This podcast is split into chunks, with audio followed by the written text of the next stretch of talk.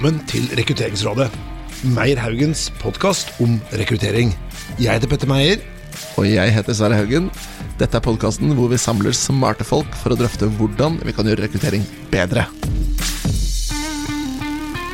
Jeg må si sånn som Petter Meyer pleier å si, i dag har vi en veldig spennende gjest. Velkommen, eh, Katrine Feiling. Tusen takk, tusen takk. Det er eh, altså ny episode av Rekrutteringsrådet, og i dag så skal vi snakke om rekruttering i fremmed farvann. Det er den tabloide tittelen på ting. Fordi sånn som ting er nå, så er det jo veldig mange som, eh, som rekrutterer, og som blir tvunget til en mer digital rekrutteringshverdag. Men eh, Katrine er invitert, ikke bare, men delvis fordi hun jobber jo egentlig med heldigital rekruttering hele tiden. Ja, og har gjort en liten stund. Og gjort en liten stund, ja. Så eh, Katrine, eh, du har jo jobbet med rekruttering egentlig i mange år. Eh, du har jobbet med rekruttering i Accenture, i BDO, i PA Consulting Group og i Coca-Cola. Men hvor jobber du nå? Akkurat nå så jobber jeg i Norkapp. Eh, og det er en del av Flyktninghjelpen, som sikkert flere mennesker har hørt om.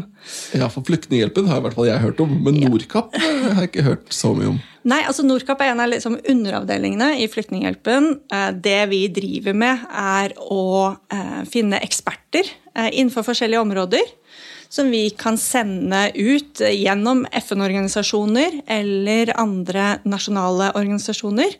Eh, så de kan dra ned og hjelpe på korte oppdrag. Litt som konsulenter, humanitære konsulenter, hvis man kan si det sånn. Ja, mm. og tittelen din er 'Recruitment and Development Advisor'. Ja, det er veldig internasjonalt i Nordkapp. Arbeidsspråket er engelsk. Ja. Så, alt, eh, så, hvis jeg sier en del ord på engelsk i dag, så er det fordi at det, det er vant til. Ja, ja men Da har jeg altså unnskyld fordi koda kjefter på meg hver gang jeg bruker engelsk ord. Men um, hva, er det, hva, er det, du gjør, da? Hva er, liksom, hva er jobben din nå til daglig? Nei, eh, det er eh, rekruttering, egentlig. Når vi tenker på liksom en rekrutteringsprosess som vanligvis er attract, select og onboarding, så holder vi egentlig mest på med select eh, og noe over i onboarding. Eh, men det er et litt annerledes marked. Eh, jeg har vært veldig heldig og fått lov til å rekruttere til noen store prosjekter vi har. Vi har hatt og har fortsatt et ganske stort klima- og energiprosjekt. Hvor jeg har vært hovedrekruttereren og vært den som liksom er ansvarlig for å få inn nye eksperter der. Og så har jeg også jobbet med små, ja, ikke små prosjekter, men eh, andre spennende uh, ting, som f.eks. å finne nye uh, fengselsbetjenter som skulle ned til et prosjekt uh, og jobbe der som fengselsbetjenter i et år. Men Da var det ikke Ullersmolands fengsel, liksom? Eh, jo, faktisk. Det, det, er, ja, det var en superspennende, superspennende prosess. Eh, egentlig et samarbeid med en FN-organisasjon eh, hvor de ønsket å få inn norske eh, fengselsbetjenter for å kunne avhjelpe da, på de eh, hva skal si, fengslene som de har i Sør-Sudan. Ja, så det, ja, ikke sant? Så det var, ikke... så det var fengselsbetjenter. Ja, eh, men til Sør-Sudan? Til Sør-Sudan. Ja, For da er vi liksom inne på litt av sakens kjerne her. at Hvor mange jobber, stillinger, muligheter rekrutterer dere ut til i Norge? Ingen. Ingen. Så hvilke land er det du rekrutterer til? Ja, Nordkapp eh, rekrutterer til hva skal Vi si, vi har eh, deployerte, som vi kaller de, eller eksperter, i alle eh, verdens land. Selvfølgelig så er jo dette innenfor det humanitære, så vi kan jo, se, vi kan jo tenke oss selv hvilke områder. Jeg gikk gjennom tallene. Akkurat nå så er det flest mennesker i Afrika, eller flest eksperter vi har deployert i Afrika. Mm. Eh, og så nest etter det så kommer faktisk Europa, men det er fordi at vi har et ganske stort prosjekt i Hellas Hellas. Ja. For der er det en stor humanitær krise akkurat nå. Ikke sant? Eh, så, så, det er egentlig veldig internasjonalt. Jeg gikk gjennom noen tall, og ja, så, altså i, i 2019 så hadde vi eksperter ute i 81 forskjellige land. Ja, Så du, får, du blir jo eksponert for litt forskjellig? Da, jeg blir eksponert for veldig mange forskjellige kulturer. Og det er jo det som er veldig spennende med dette her også. Altså sånn Overgangen fra å jobbe i en litt sånn ja, jobbet egentlig mest med siviløkonomer og inndøkkere i veldig mange år, ut ifra de andre jobbene jeg har hatt, til å nå jobbe ekstremt eh, internasjonalt. Eh, med mange forskjellige kulturer og høyt utdannede mennesker som har litt om doktorgrader i alt mulig eh, forskjellig. Ja. Så det er veldig spennende. Og jeg vil anta ganske verdidrevne folk, da, som du jobber med? Ja, du møter veldig mange av de. Eh, det er klart at For veldig mange å jobbe som en ekspert er liksom et valg. Eh, vi rekrutterer de jo for å kunne være en del av vår database, eller den gruppen med mennesker vi har tilgjengelig. Så når vi får en, en, en mail eller en request fra en FN-organisasjon om vi har noen som kan noe innenfor et område, så er våre eksperter klare til å bli sendt ut på ganske kort varsel. Og det tror jeg alle anerkjenner at det er et valg, da, at man ja. ønsker å være på den måten, jobbe på den måten. Så det vil si at hvis jeg vil, så kunne jeg som eh, søkt eller meldt meg inn eller bedt om å få være med i en sånn pool? litt usikker på om jeg har kvalifisert seg. men hva, men, da syns jeg du er slem. Men vi trengte faktisk en gang en programmerer til uh, et senter, et klimasenter i Eller et senter som, som kommuniserer klimadata ja. i Afrika. Så det ja. kunne jo du gjort. Jeg vet jo at du kan programmere. ja, Det blir noen år siden da. Men, men, eh, riktig. Men hvis vi ser på liksom, kvalifikasjoner, da, hva er det som trengs for å liksom, kunne være med i en sånn pool? da?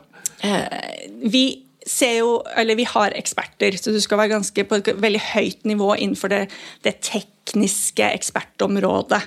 Eh, og der det, har vi veldig mange forskjellige eh, områder som vi opererer innenfor. Men, men det er viktig at, altså at, du er ekspert innenfor ditt område.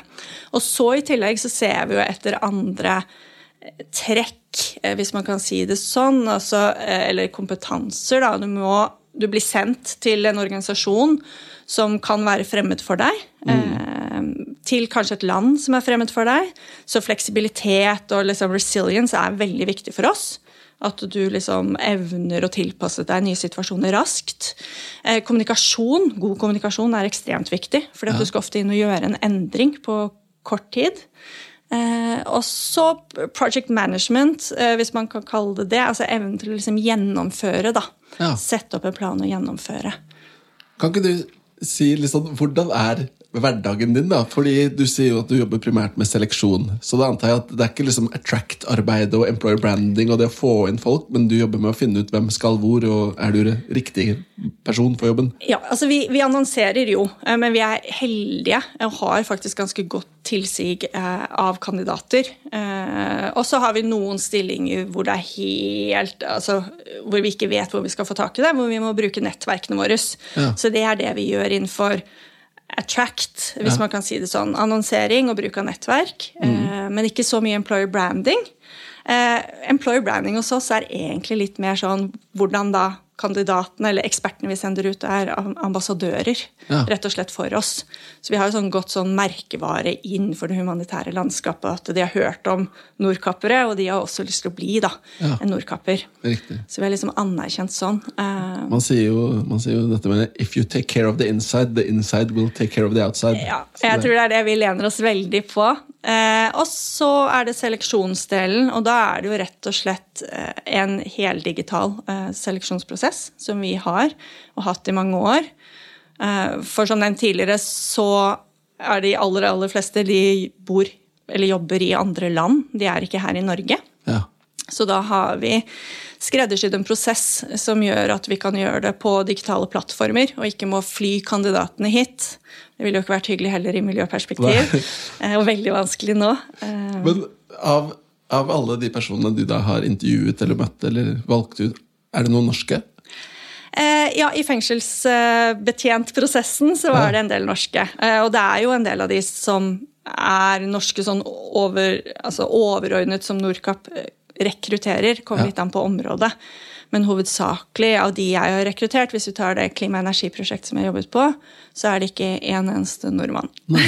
Og da kommer de fra ukjente kulturer. Ukjente kulturer, ja. For, deg, i hvert fall. For meg. ja. Vilt fremmed for meg. Ja. Fordi det er jo litt sånn, vi, Når vi har denne litt sånn tabloide tittelen 'Rekruttering i fremmed fra farvann', så er det jo noe, det er to ting. Det ene er jo at som du nevner, så må dere kjøre en heldigital prosess. Det skal vi snakke litt mer om. Men det andre er jo dette som handler om kultur. Fordi hvordan er det hva slags utfordringer presenterer det? da, At du må jobbe med folk som du ikke, hvor du kanskje ikke nødvendigvis kjenner kulturen? Nei, altså det er jo for det første, eh, som vi var litt inne på, disse ekspertene, da, som vi kaller det, eller disse kandidatene som de er før de blir eksperter, de skal jo sendes ut til en kultur vi ikke nødvendigvis kjenner til heller. Mm. så vi har jo ikke det aspektet å lene oss på, for ofte så er det er jo det jeg er vant til. Å liksom se om kan denne kandidaten liksom passe inn i kulturen i organisasjonen, har den det som trengs? Eh, men den andre delen er jo rett og slett det at eh, forskjellige kulturer er veldig forskjellige i måten de kommuniserer på. Jeg hørte på, eller så på denne videoen du hadde lagt ut her om dagen eh, om hvordan gjøre videointervjuer. Og da tenkte jeg oi, ok, ja, jeg kan skjønne at dette treffer liksom det norske markedet, eller dette er noe norske kandidater må passe på. Men for mine kandidater da, eh, ja. så kan det være vanskelig, for det er ikke sånn de er vant til å kommunisere. Altså Du sa et eller annet sånn om kroppsspråk, at ja, ja. det er veldig viktig. Men kroppsspråk er jo faktisk ikke et universelt språk. Nei, hva, hva, hva har, du liksom, har du noen eksempler? Nei, altså vi gjør jo eh, Vi gjør jo alle intervjuer på, på videointervju. Eh, eh, og da ser man jo det at kandidater er veldig forskjellige hvordan de forholder seg til det. Eh, noen er jo veldig fremoverlente og mye armer og gestikulerer og sånn, som kanskje vi er liksom litt vant til, at man viser engasjement, mens andre er kanskje faktisk mer restriktive i forhold til hvordan de gir uttrykk eh, for hva hva de sier eh, gjennom kroppsspråk. Så de kan være litt sånn rett opp og ned, men de trenger ikke å være mindre faglig dyktige for det. Nei. Eh, det er fordi det er jo når man, Hypotesen er da, når du skal ansette, så må du sjekke av på tre ting. Du må kunne klare å gjøre jobben. Og så må jeg som skal rekruttere deg, tro på at du blir lenge nok til at det er verdt å ansette deg. Og så må du gjerne, eller helst, støtte den kulturen jeg ønsker. Men, eh, men, det kan jo være litt vanskelig, da, kanskje? Ja, vi har jo, vi har jo gjennom eh, hva skal si, forskjellige workshops som vi egentlig har hatt i rekrutteringsavdelinger, hvis man kan kalle det sånn, kartlagt en del kompetanser, og også basert på tilbakemeldinger vi får på ekspertene, kartlagt en del kompetanseområder som vi merker er viktige, og eh, hva skal vi si, personlighetstrekk som vi kan se er viktige for kandidatene for å kunne prestere best mulig ute. Mm. Eh, og hva skal overleve ute i de forskjellige organisasjonene. Um, så det er jo liksom noe vi, vi baserer oss på, eller så vi liksom lener oss litt grann på. Men sånn overordnet så er det jo to av elementene vi ikke har. Eh, som av de du ramset opp. For våre skal bare være veldig dyktige. De skal være teknisk ja. dyktige. De skal kunne gjøre jobben. Ja, That's også, it. ikke sant? Og så skal du da rekruttere inn folk som sitter på andre siden av skjermen, som har en annen kulturell bakgrunn, et annet kroppsspråk og en annen måte å uttrykke seg på. Og så skal dere sammen putte den personen inn i en tredje kulturell kontekst som kanskje er helt annerledes igjen. Ja, Det høres veldig komplekst ut når du sier det sånn, og det er det. det, er det. Ja, men, men, noe må dere vel se etter, da? Ja, vi ser jo etter altså Teknisk ekspertise er veldig viktig. Eh, og selvfølgelig så føler jeg fortsatt at det, gjennom, selv om du er på en videoplattform, hvordan folk kommuniserer eh, sin tekniske ekspertise. Og dette er ofte innom områder jeg, jeg, personlig ikke kan noen ting om. Så hvis de får meg til å forstå det, ja. eh, så er jo det et sånt parameter på at da bør de faktisk eh, kunne klare å kommunisere det på en forståelig måte til de de skal kunne forklare det til eh, der ute, da, i den jobben de skal gjøre. Så jeg tenker det er liksom en god ting. Og så ofte så ser man jo, og det er kanskje liksom litt mer enn når man gjør vanlige intervjuer som er ansikt i ansikt, eh, så er det også noe med storytelling. Altså hvordan du presenterer deg selv. Om du har tenkt gjennom hvordan du vil presentere deg selv. Eh, en sånn struktur i det. Det føler jeg at jeg ser mer og mer hos mine kandidater. At, at de er gjennomtenkte? Eller? De er gjennomtenkte. Det er ja. ikke så mye rom for eh, hva skal vi si, surr ja, ja. I, I, et videointervju, for det blir veldig synlig. Ja. Så kanskje det faktisk kan hjelpe litt på struktur, da. Eh, som jeg, jeg, personlig kan ha manglet eller savnet hos en del kandidater når du snakker med dem ansikt til ansikt. Ja, for det, går, det blir fort liksom ja, det blir fort prat. Ja, prat, prat. Men hvor lange intervjuer er det? Time eller halvtime? eller Hvordan kjører dere det? Faktisk? Akkurat videointervjuet eh, kjører vi, da setter vi av en og en halv time. Oh, ja. eh, og det er fordi vi vet Veldig ofte så er det tekniske, tekniske problemer. Internett noen ganger ikke funker. Ja. Eh, og så må man ta hensyn til at det ofte kan være et litt annerledes språk. Engelsk er jo ofte hva skal vi si, annenspråket. eh, Både til oss som sitter på den ene siden, men også de som sitter på andre siden. Så noen ganger så må man gjøre små oppklaringer, eller at man kanskje må stille spørsmålene igjen. Så det går liksom litt tid på det. Og så er det veldig viktig for oss å ha satt av nok tid på slutten eh, til eventuelle avklaringer. Sant? Hvis det er ting som er uklart for kandidaten, hvis det er ting de lurer på, så er det veldig viktig at vi får på en måte eller får gitt de svarene, da. Hva, hva er um, i dette intervjuet, da? Eh, Hva er liksom hoved... Har du en tydelig agenda på at dette er tingene jeg må finne ut av? Altså Er det to-tre ting, eller hvordan Ja, vi, vi har kartlagt eh, fem kompetanser eh, som, som vi skal gjennom i løpet av intervjuet. Som vi også da scorer kandidatene på eh, før intervjuet. Eh, vi har en veldig omfattende prosess, så jeg kan jo gå gjennom det etterpå. Men før intervjuet så har vi også sendt eh, personlighetstester til dem.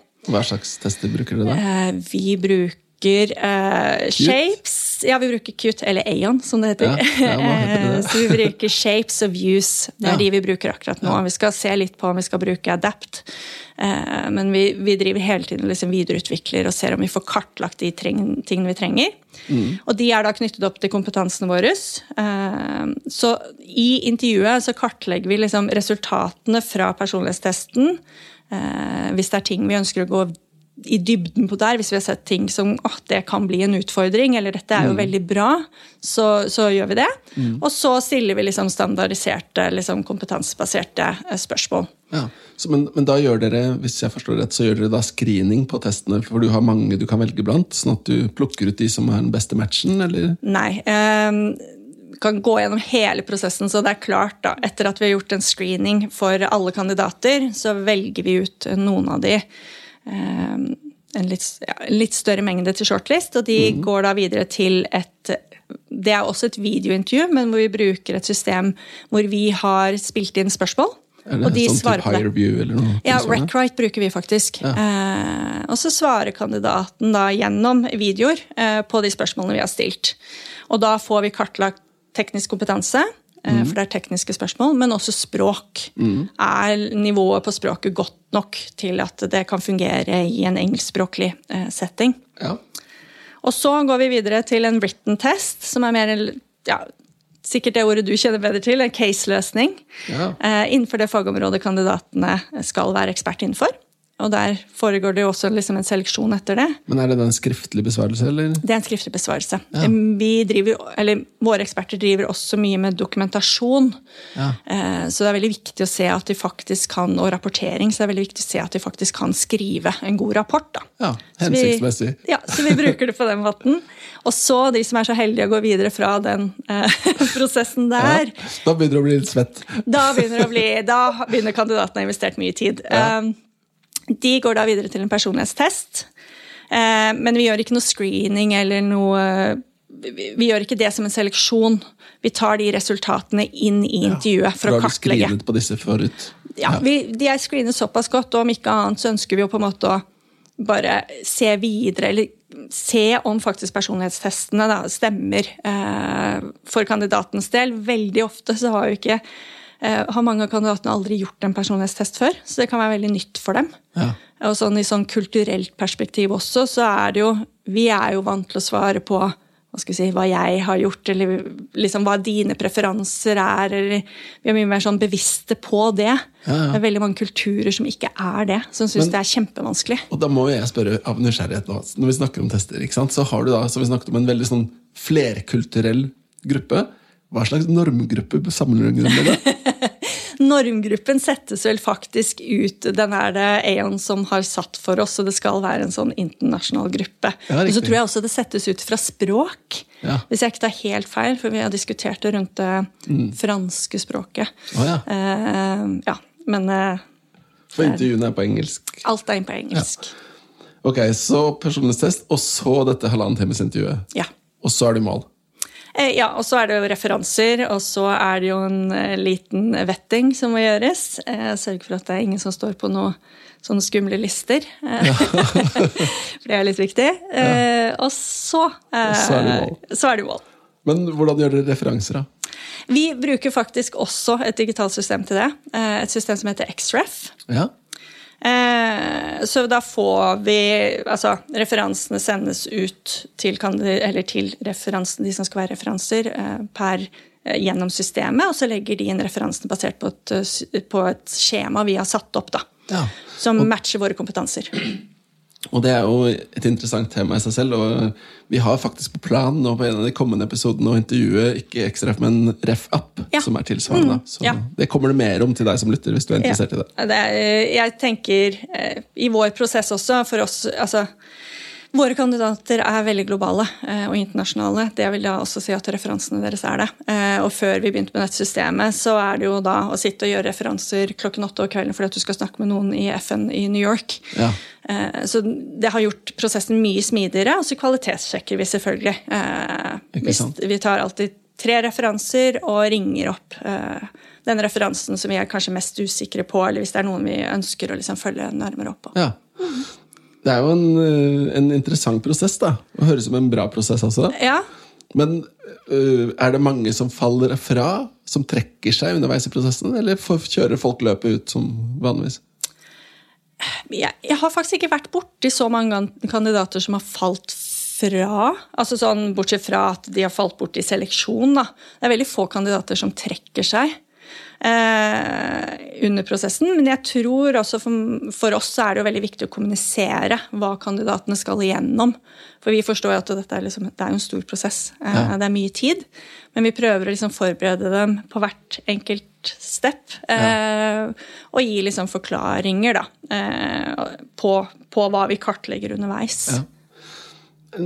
Litt tilbake til tester. Ja. Eh, vi bruker jo også shapes og views eh, fra Aeon som det heter nå. Ja. men, men um, evnetester er jo liksom blant mange sett på som den store bautaen i seleksjon. Mm. Det bruker ikke dere? Nei. Jeg har vurdert å bruke altså Vi har jo tilgang til hele testapparatet til mm. EAN. Og vi ser jo hele tiden på hvordan vi skal bruke det, og om vi skal bruke evnetester. Vi har valgt å ikke gjøre det så langt. Men jeg, for eksempel da jeg skulle rekruttere en eh, programmerer eh, til en stilling eh, i, ja, ved et klimasenter i, i Afrika, mm. så vurderte jeg sterkt om jeg skulle bruke en evnetest. Rett og slett bare for å liksom kunne ha noe mer enn kandidatens uttrykk for hvor god de selv var. Ja. men men jeg valgte å ikke gjøre det også, for jeg tror eh, evnetester er også et veldig nytt element for veldig mange eh, ja. kandidater. Eh, å innføre det som nok en ting de skal igjennom, som et hinder ja. Ja. Vi har faktisk altså vi har besluttet så langt å ikke bruke det. Ja, Så har dere jo også mye fokus på det tekniske tidligere underveis i prosessen. Ja. Jeg vil jo tro at når det kommer til det med kulturell, ulike kulturer og ulike kulturell bakgrunn, det vi snakker med, hvor, hvordan du snakker om deg selv og kompetansen din, der vil jeg vel tro at det også er litt forskjeller på ulike typer kulturer. Ja, det er, det er veldig Eller det har kanskje vært det som har vært liksom mest fascinerende da, i den nye verden. Og jeg har jobbet der i tre år. Eh, og vi er, eller Jeg har alltid vært vant til kandidater som snakker om seg selv og hva de har gjort og de er veldig sånn Det er, det er veldig sjeldne problem for veldig mange kandidater. Men jeg har oppdaget og underveis og En ny utfordring er rett og slett det at for noen kulturer så er det veldig vanskelig å si 'jeg gjorde'. Oh, ja. Dette er det jeg har prestert. Ja. Eh, så du må liksom, og når du da driver med kompetansebasert intervjuteknikk, eh, så er jo det veldig, det er jo liksom kjernen av det man skal frem til. Ja. Og det å liksom dra de svarene ut av dem og hele tiden skulle på en måte si ja, men jeg, jeg, hører hva du sier resultatet ble, men jeg må vite på en måte, hva var din rolle i det. Hva ja. gjorde du? Eh, og der ser du at det er faktisk forskjellige kulturer som syns det er veldig vanskelig å snakke om seg selv på den måten der. Nå har vi jo, har vi jo sett litt på denne, denne, prosessen, eller snakket om denne prosessen. Eh, hva er det folk slås ut på? Altså, Hva er det som gjør at du ikke kommer videre i prosess? Mm ja, så, I første delen så vil det jo være teknisk kompetanse, altså hvilket nivå du er på.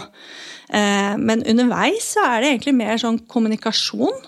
Hvordan du kommuniserer, eh, hvordan du presenterer deg selv. Eh, hvilke situasjoner du har vært oppi før. Altså, vi vet jo at vi sender våre eksperter til mange spennende land. Ja. og mange Det skjer mye rart. Ja, hvor det kan skje mye rart, og hvor det er rare forskjellige situasjoner. Så vi må på en måte vite at de kan håndtere det, og at de om ikke annet evner å si fra at nå syns jeg det er vanskelig. Ja. Eh, For det er veldig vanskelig for oss, som vi sier til, jeg sier det alltid til kandidatene, for å forklare hvorfor vi stiller mye spørsmål rundt hvordan de håndterer stress Ja. og de tingene der. Så pleier jeg alltid å si at det er veldig vanskelig for oss å vite hvordan du har det Ja, for- i det landet. Så du må kontakte oss. Ja. Så fordi stress i din setting er ikke at sjefen kommer og ber deg jobbe to timer overtid. Nei, eh, det er også en ganske ny opplevelse. Ja, Der jeg jobber nå, er at på det stresspørsmålet får du et helt annet svar som regel. Og det er sånn, det blir, blir liksom det ekstreme er sånn Nei, da jeg, da jeg fikk en pistol mot hodet, eller eh, da det smalt en bombe eh, Ja. i ja, de mest ekstreme casene. Eh, Ja, I min verden akkurat nå så er det veldig mange som har opplevd det. Så det Så er ikke så vanlig i mine intervjuer. for å si det da sånn. tenker jeg at den kandidaten, eller altså de som eh, har hatt en litt sånn rar sjef, ikke det er ikke noe problem. Nei, da, det bør du takle. Det bør du takle. Men, men eh, et annet spørsmål jeg har, det er eh, lønn. Fordi som vi, da, når vi jobber med rekruttering fra kunder, kunde, så er det en veldig viktig ting vi sjekker av tidlig. Både for å ikke kaste vekk tiden til oppdragsgiver, men heller ikke for kandidaten. Det er å sjekke av kan oppdrag, eller den som skal ansette, møte lønnsønskene. Da. Er det en problemstilling hos dere? Eh, lønn er vi, vi kartlegger lønnsforventninger innenfor en ramme tidlig i prosessen. Ja. Eh, for vi har satte eh, lønnstrinn, eh, og vi på en måte plasserer kandidatene innenfor det, ut ifra den ekspertisen de har. Eh, så, så, men jeg tenker også at det er veldig sjelden det som driver eh, de som jobber innenfor det, og de som er interessert i å jobbe for Nordkapp. Ja. Det er jo mer en sånn purpose, altså det er Ja, ja. noe du selv ønsker å gjøre. Ofte så hører man jo historier fra kandidater om at eh, de kommer jo ofte fra land som har trengt hjelp selv. At de har opplevd å få hjelp, eh, f.eks. Når, de, Mm. når de var mindre. Eller at de Ja. Så, så det er noe helt annet som driver de enn Ja. den lønnen eh, som, som vi er vant til, da, som er liksom forhandlingsgrunnlaget. Ja, ja. Og så er det jo smart, som dere gjør da, å sjekke da tidlig. For det, dette er jo det ene området hvor offentlig sektor ligger foran uh, privat næringsliv. Ja. For der skriver de jo lønnstrinn i annonsen ofte. Ja, vi har faktisk hatt diskusjoner på om vi skal skrive lønnstrinn. Mm. På noen av stillingene så tror jeg det kan bli relevant. Eh, Men enn så lenge så er jo ikke uh, Lønnstrinn er jo den ene delen av det, og så skal du plassere kandidaten innenfor det. Så det kan være litt sånn, ja, Ikke litt mer tricky enn det. Dette er jo så interessant. vi, vi Du nevnte jo at du har sett denne videoen som, som handler om hvordan man kan liksom bygge relasjoner en, gjennom en skjerm. da. Ja, interessant video. Ja, ja, det er bra. Tusen takk. Eh, men et spørsmål der, det vi sier litt sånn innledningsvis da, til alle oss her i Norge som er vant til å kunne ha privilegiet å møte folk. Må man lukte på folk for å rekruttere dem? Du har nå gått over i en fulldigital kontekst. Hva tenker du? Må man lukte på folk for å rekruttere dem? Ehm, vi har jo hatt de si, samtalene i det teamet jeg jobber i også. Eh, jeg er veldig komfortabel med det, men det er også fordi at jeg føler at vi faktisk har skreddersydd en prosess eh, hvor vi får kartlagt kompetanse mm. og blir kjent med personen, som jeg tenker er det viktigste. da. Eh, jeg har jo alltid hatt det vet jo du, alltid hatt det mindsettet at jeg tenker liksom en seleksjonsprosess skal være liksom å kartlegge kompetanse hos en kandidat. Det er veldig hyggelig at man har en god tone eh, og de tingene. Ja. Men det er kanskje viktigere også hvis man skal ansette noen inn til liksom en, et selskap, og der kultur er viktig. Her skal det jo liksom ja, Ja. litt fjernere ut, hvis man kan si det sånn. Eh, siste spørsmål før vi beveger oss litt videre. Hva vil du si har vært den største læringen når det kommer til det å møte eller rekruttere fra andre kulturer? Hva kan liksom, hvis du har noen tips da, som andre kan ta med seg, hvordan burde man tenke hvis man snakker med folk og skal rekruttere folk som kommer fra en annen bakgrunn? Jeg tenker Det aller viktigste er jo, og det tenker jeg er viktig i enhver prosess, men det er å liksom respektere kandidaten på andre siden og prøve å vise forståelse for den situasjonen kandidaten er i. Eh, Som for eksempel, altså Hvis det er dårlig internett her hjemme, så vil vi kanskje tenke sånn «Ah, det må jo være mulig å sørge for at man Ja. har det teknisk på plass, men der vet man at eh, hvis det regner veldig mye en dag, så kan faktisk internettet være veldig dårlig. Eh, så bare liksom ha en forståelse for situasjonen. Eh, og bare få en forståelse for at kandidaten har en annen kultur. De kommer fra, fra noe annet. De har en annen måte å kommunisere på nødvendigvis. Og så bare prøve liksom ja, se litt gjennom fingrene på det, og ikke henge seg så opp i hva man egentlig vil. At det skal liksom drømmesvaret fra en kandidat, eller sånn skal de presentere seg. Du var jo innom en sånn sjekkliste selv i den videoen din. Ja. Og noen ganger så, så kan man bare ikke oppnå det. Det er fantastisk når det skjer. Og kandidaten liksom sitter fremoverlent, og videoen er helt riktig, og de type tingene. Men noen ganger så bare skjer ikke det. Eh, og da må man egentlig gjøre det man er ment for å gjøre. Og det er å kartlegge liksom den tekniske kompetansen til kandidaten, og de andre kompetansene vi har eh, satt opp, da. Ja. Så bra. Du, dette her var jo spennende, og vi kunne jo snakka om det her i timevis. Eh, Men vi skal, jeg skal be deg om å løfte blikket, som er liksom neste punkt på agendaen. Og da skal vi fjerne oss litt fra den settingen du er i nå, for du har jo også jobbet eh, mye med rekruttering i Norge, og igjen mer den hverdagen som mange som lytter på dette, sitter i. Og så er jo i hvert fall mitt perspektiv da, det er at rekruttering er et fagfelt hvor det er rom for store forbedringer på mange områder. Hvis du skulle løfte blikket og tenke liksom, hvis du kunne fikse én ting med rekruttering, hva ville du fiksa da? Ja, det er vel den eh, tingen Jeg tenker litt på det liksom på tvers av alt, alle forskjellige typer jobber jeg har hatt eh, innenfor rekruttering. Det som alltid er liksom en sånn liten sånn hemsko, er den tiden. Ja. Eh, for rekruttering er veldig viktig. ja. Eh, og det er veldig vanskelig å sette av nok tid til det. Eh, jeg tror veldig mange ledere som skal rekruttere, eh, føler seg litt sånn stretched. De skjønner at de må sette av tid til rekruttering, de må sette i gang en rekruttering.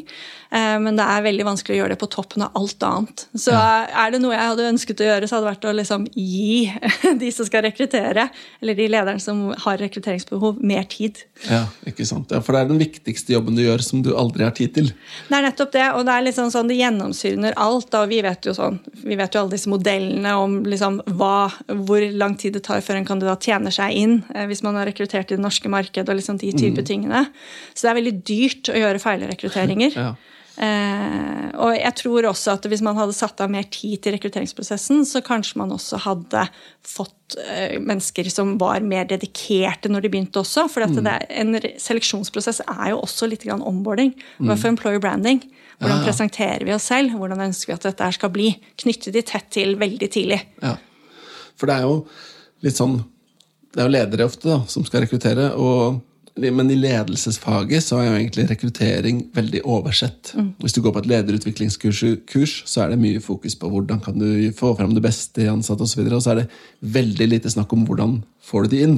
Og det burde jo egentlig være løftet da, i lederutvikling, mener jeg. Ja, jeg tenker akkurat på det der, så tenker jeg at det liksom henger litt sammen med Ja, du ønsker å løfte folk, men du har jo en hel avdeling eller du har en organisa- organisasjon du skal drifte, da, eller selskap.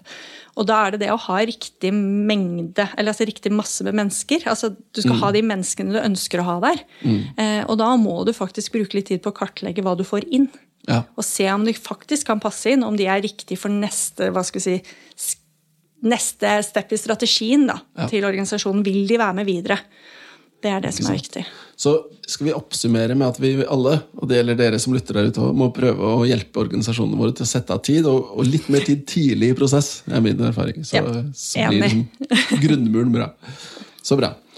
Du, vi har jo for tradisjon på disse podkastene og mot slutten av sendinga eh, stille noen dilemmas. Så vi har forberedt noen dilemmas til deg også.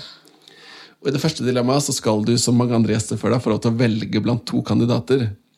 Og da har du én kandidat som er veldig sterk faglig, sjekker av veldig, men så er du veldig usikker på den kulturelle matchen, om det kanskje blir krasj med kulturen som ønskes. Den andre kandidaten er spot on i forhold til kultur og kulturbyggingen som ønskes i selskapet, men så er du litt usikker på det faglige. Hvem velger du da?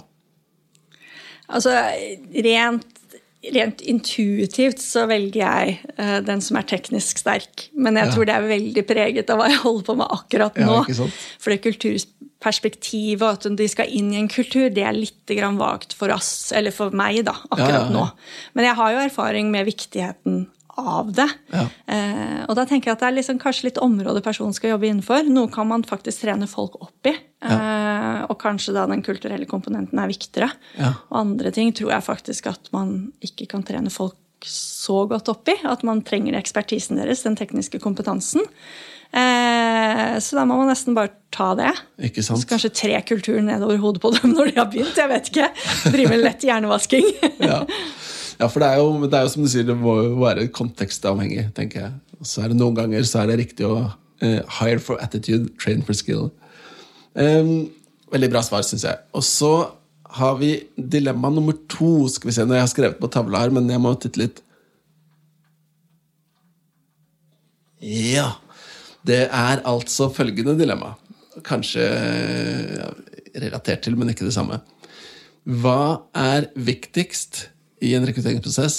Er det objektivitet og at du liksom gjør de grundig faglige avsjekkene, eller er det kandidatopplevelsen? uh, igjen, altså alt vil være kontekstrelatert, men jeg tenker objektivitet. Uh, hvorfor tenker jeg det egentlig? Eh, jeg vet ikke. Jeg, og dette vet du, Sverre, siden du faktisk har vært sjefen min en gang i tiden. Jeg er veldig opptatt av prosess, og jeg er veldig opptatt av at alle kandidater sjekkes opp mot det samme. At man har en mal, eh, og at man, liksom, at man er enig om avsjekkene. Eh, og så tror jeg liksom kandidatopplevelsen veldig ofte kan faktisk komme eh, gjennom hvordan du kommuniserer med kandidaten underveis. Jeg tror, altså ja, prosessen som jeg beskrev tidligere, og det vet vi. Det, vi vet at vi har en omfattende prosess. Det er Ja. mange trinn for kandidatene, og de investerer mye tid. Eh, men som jeg også sa, det er ikke så mange kandidater som faller av underveis. Og jeg tror det er kanskje fordi at vi er, vi er flinke til å kommunisere hva vi gjør i ethvert trinn. Ja. Vi er flinke til å liksom kommunisere hva kommer, eh, og hvorfor vi gjør, gjør ting. Hvorfor skal du gjennom dette her? Ja. Og det tror jeg skaper en trygghet, da, og for, forhåpentligvis en god kandidatopplevelse. Jeg får nesten litt gåsehud. For, for det du sier, egentlig, det er at dette er ikke, disse er ikke motstridende. Fordi du kan ha en god, objektiv prosess, men hvis du er god på forventningsstyring og kommunikasjon, så, så kan du også sikre en god kandidatopplevelse. Ja, og, og jeg tror hvis man snur litt på det, da eh, Kanskje noen ganger når man selv har vært kandidat, noe av det mest frustrerende eller det som setter størst spørsmålstegn i etterkant, er jo det hvor hvis du ikke helt forstår hvorfor du fikk et avslag, Ja. som resultatet kan være. Eh, og da er det jo rent logisk så er det enklere for folk hvis de vet hva avsjekkene er. Ja, ja. Ikke sant? Hva er det jeg egentlig har vært igjennom? Hva er det som skal kartlegges? Mer enn at de var kjempehyggelige og ga deg masse kaffe underveis. Ikke sant? sånn for å, ja. Ja. Nei, men Veldig bra. Um, siste dilemma er vel kanskje nesten mer et spørsmål. Eh, og da skal vi tilbake igjen til der vi begynte med den heldigitale prosessen. Når du skal kjøre en heldigital prosess, som jo er veldig dagsaktuelt i dag, også for oss i Norge, så er spørsmålet Kan du ta prosessen du vanligvis har fysisk, og bare putte strøm på den? Putte en skjerm mellom? Eller bør du gjøre noe annerledes i prosessen? Man må gjøre justeringer, eh, tenker jeg. Jeg tenker det er veldig viktig. Altså, vi, har noe, eh, vi har vært på noen kurs og sånn også nå i forhold til hvordan skape eh, en god atmosfære og få det beste ut eh, av personer når man er på, liksom, eh, på en digital plattform. Som, så, så jeg tror det er veldig viktig at man liksom justerer det. At man passer på at man har pauser, f.eks. når man gjør et digitalt intervju på en og en halv time. Ja. Si til kandidaten trenger du pause, så gjør vi det. Det ville man kanskje ikke gjort under et vanlig intervju. Eh, og så liksom bare legge opp til at man gjør justeringer. Eh, og igjen kommunikasjon med kandidaten underveis. Klare, tydelige mails som sender ut. 'Dette er det vi forventer'. Dette er liksom rammene for det du skal levere på dette trinnet vi er nå, eller denne delen av seleksjonsprosessen vi er i. Det tror jeg er veldig avgjørende. Mm. Istedenfor at du får det inn, og så snakker du. Eh, Det fungerer dårlig å bare oversette det til, til en digital plattform. Ja. Jeg tror for min del er en av de tingene som jeg legger merke til, som jeg observerer, det er at med en gang du putter den skjermen mellom, så glemmer folk at de synes. Og så, sitter det liksom noe, så sitter det et ansikt bak der som eh, har et kroppsspråk, nå er vi i en norsk kontekst, som, som ikke hadde vært greit i et face-to-face-møte, men man glemmer det litt fordi den skjermen er mellom. Så det er det, Ja. det å huske at du må nikke og smile og liksom gi verbale cues, da, eller non-verbale cues. det Ja, jeg, jeg så jo uh, at du sa det i, i den, den videoen, at det er jo liksom en ting man kanskje savner. Jeg tror litt sånn rart oversatt, hvis man kan si det sånn, så tror jeg en, del mennesker eller kandidater kanskje virker litt sånn introverte. Eh, Når du får de over på en digital plattform, fordi at det er ukjent. da. Ja. Kanskje skaper en sånn liten så, utrygghet i situasjonen. Ikke sant? Eh, Så man blir veldig bevisst Man blir veldig bevisst på liksom hvordan man beveger seg, hva man skal gjøre, gestikulering. Ikke sant? Hvis du ser på deg selv på et videointervju og gestikulerer vilt med hendene dine, så kan man jo føle at man ser helt rar ut. Ja. Eh, Så det er liksom finne den mellom, mellommåten å gjøre det på. Da. Og det er egentlig bare sånn hva skal jeg si, det er en sånn nytt kroppsspråk for alle. Man ser Ja. jo det selv når man bare sitter i vanlige møter. Eh, hvordan oppfører man seg? Eh. Det er faktisk ganske krevende. Det er det. Og så er det viktig å huske på da, at du, hvis du sitter og irriterer deg over en kandidat som er vanskelig å lese, så må du på, må du tenke på hvordan ser du selv ut. Nettopp. Du kan ikke mute ditt eget Nei, ansiktsuttrykk. kan ikke det. Men du, jeg tror det var en veldig fin avslutning. Jeg. Og jeg syns det har vært en kjempeinteressant prat. Eh, og jeg gleder meg til å søke på jobb i Nordkapp. Jeg gleder meg til å få søknaden, så får vi se hvordan det går, Sverre. Takk. Tusen takk.